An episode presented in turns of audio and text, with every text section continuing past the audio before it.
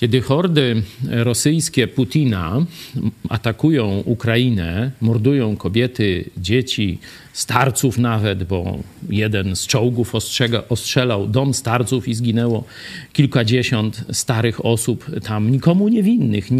To tylko Chodziło o to, żeby pokazać siłę, brutalność i złamać ducha walki wśród Ukraińców, te bezsensowne zbrodnie e, tej hordy orków. W tym czasie, kiedy giną Ukraińcy, kiedy Putin grozi całemu światu tam różnymi rzeczami, bronią atomową, zakręceniem kurka e, gazowego czy z ropą i różnymi takimi rzeczami. W tym czasie papież katolików Franciszek, jezuita i komunista jednocześnie, co zresztą jest praktycznie tożsame. Nawołuje do rozbrojenia, uważa za szaleństwo podniesienie budżetów obronnych państw NATO do 2%. Porównajcie to, proszę Was, uczciwi katolicy, z tym, co mówi Jezus. Otwórzcie sobie Ewangelię e, według świętego Łukasza, 12 rozdział, 39 werset. Jezus sam Jezus to mówi.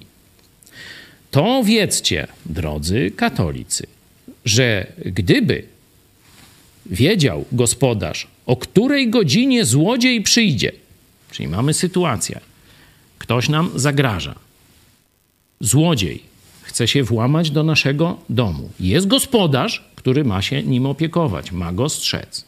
I Jezus mówi: Gdyby gospodarz wiedział, o której godzinie złodziej przyjdzie, nie dopuściłby do tego, by podkopano dom jego. Nie modliłby się za złodzieja. Nie rysowałby kwiatków przed złodziejem, tylko skopałby mu dubsko, żeby nie mógł zaatakować tych, którzy są w domu.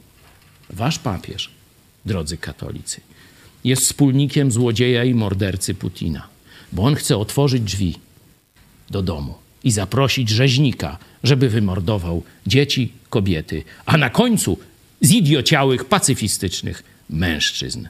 Pamiętajcie, pacyfizm dzisiaj to wymysł diabli, a wasz papież jest pacyfistą.